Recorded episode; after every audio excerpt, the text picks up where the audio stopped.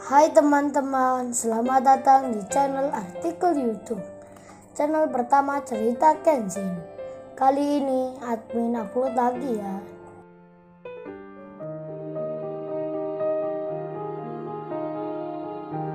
Kisah pemuda kaya, anak bos besar, pemilik 73 perusahaan yang menjadi cleaning service. Episode 98, bagian kedua, kilas balik masa yang ada di belakang. Saat itu, Kenshin, yang masih sekolah menengah pertama, diceritakan. Waktu itu, segala informasi, khususnya media elektronik sangatlah terbatas. Di segi komunikasi sendiri, kebanyakan yang ada hanya telepon umum dan telepon rumah. Surat ucapan selamat pun masih banyak yang memakai jasa dari kantor pos. Tak seperti sekarang, tinggal ketik saja, langsung tersampaikan. Gadget pun, demikian halnya, masih jarang yang mempunyai.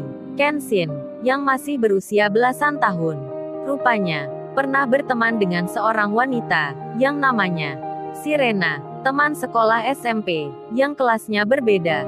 Pada suatu ketika, Kenshin, bersama temannya, saat mengikuti kegiatan ekstrakurikuler, olahraga renang, di sekolahnya, di tempat latihan tersebut, tak sengaja, ia bertemu dengan Rena, untuk pertama kalinya, yang saat ini, ada di depannya ini.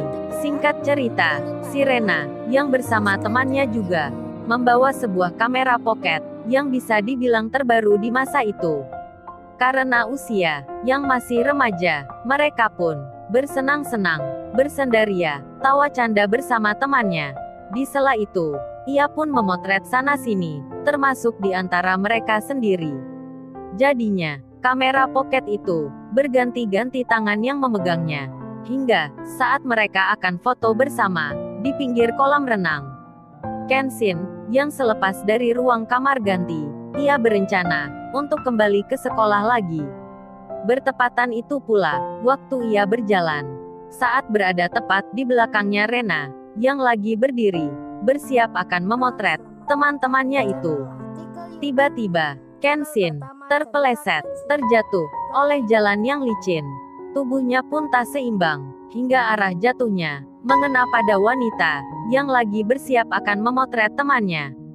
Jadinya, wanita itu pun terdorong oleh Kenshin. Terjatuh pula, kamera pun terlepas dari tangannya. Lalu, ia masuk ke dalam air kolam renang itu.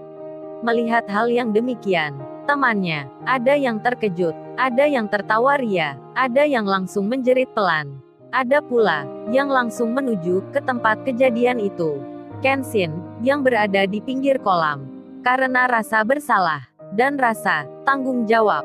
Secara spontan, ia pun langsung masuk pula ke kolam renang itu, bermaksud untuk menolong. Meskipun saat itu ia baru ganti memakai seragam sekolahnya. Sirena sendiri segera mengambil kamera yang masih tak jauh berada di bawahnya. Kemudian mendekatlah Kenshin. Lalu ia bicara sambil terbata. Maaf, maaf ya.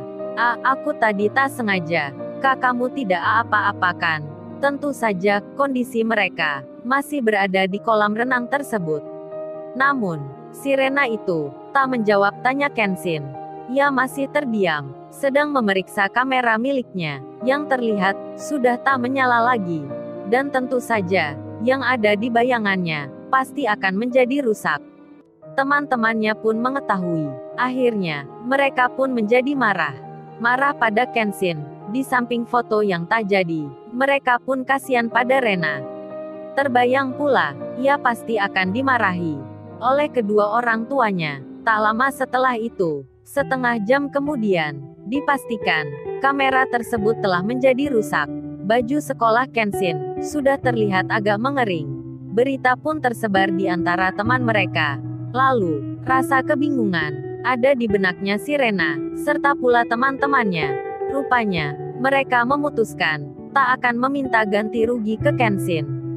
Karena mereka tahu sendiri, Kenshin juga anak sekolah, belum bekerja pula, dan lagian, itu pun tadi, juga tadi sengaja. Gurunya sendiri, sudah memberikan solusi ke Rena, untuk berterus terang saja pada kedua orang tuanya. Namun, si Rena itu hanya mengiyakan. Sejatinya, ia masih tidak enak hati. Meskipun, kedua orang tuanya, termasuk ke dalam golongan yang mampu. Rena pun masih merasa bersalah. Takut-takut sendiri, lalu ia pun memutuskan untuk menjual HP saja, yang saat ini berada di dalam tasnya. Padahal, HP itu, seminggu lalu, baru saja ia diberi kado, ulang tahun, oleh tantenya. Di masa itu, HP itu terasa istimewa, karena memang jarang ada yang punya. Apalagi untuk gadis seusianya. Akhirnya, bersama temannya, ia berencana untuk menjualnya, lalu dipakai untuk membeli kamera lagi, yang sama tipenya. Kenshin, yang sudah dimaafkan oleh Rena. Ia pun mendengar perihal tersebut. Hari itu, di waktu yang sama, ia tak kembali ke sekolah. Kenshin, diam-diam, dari belakang, mengikuti Rena dan temannya. Mereka terlihat menuju ke sebuah toko yang kebetulan tak jauh dari tempat kolam renang itu. Sebuah toko seluler yang juga melayani perihal jual beli HP. Rena dan temannya mulai menawarkan apa yang akan mereka jual. Lalu, beberapa menit kemudian, mereka pun meninggalkan tempat itu dengan menaiki angkutan umum. Setelah melihatnya, Kenshin segera mendatangi toko tersebut. Entah apa yang diinginkannya. 15 menit kemudian, ia pun juga meninggalkan tempat itu. Lalu, dua hari setelahnya, Kenshin yang sudah mengetahui tempat kelas belajarnya Sirena, pagi-pagi sekali, ia sudah menunggu di samping pintu. Tak beberapa lama, yang ditunggu pun datang. Sirena yang melihat Kenshin berada di depan kelasnya. Tentu saja, ia melihatnya, tak biasa sekali. Ia langsung bertanya di hati, ada apa dia ke sini? Belum selesai, ia memikirkan itu. Kenshin, tiba-tiba, memberikan satu kardus kecil ke Rena. Lalu, ia pun pergi begitu saja. Setelahnya, si Rena, yang tak biasa dengan hadirnya Kenshin itu. Apalagi baru saja kemarin, ia punya masalah dengan dirinya. Segera, ia membuka apa isi yang diberikannya ini. Saat itu, di kelasnya sendiri, kebetulan sekali masih sepi. Rena pun membuka isi kardus kecil itu. Setelah terbuka, ia menjadi terkejut, menjadi terharu, bercampur suka dan sedih. Isi kardus itu adalah HP miliknya, yang kemarin ia menjual bersama temannya di salah satu toko seluler. Rupanya, tak cukup dengan itu. Di balik kardus satunya, ada sesuatu lagi yang harus ia buka.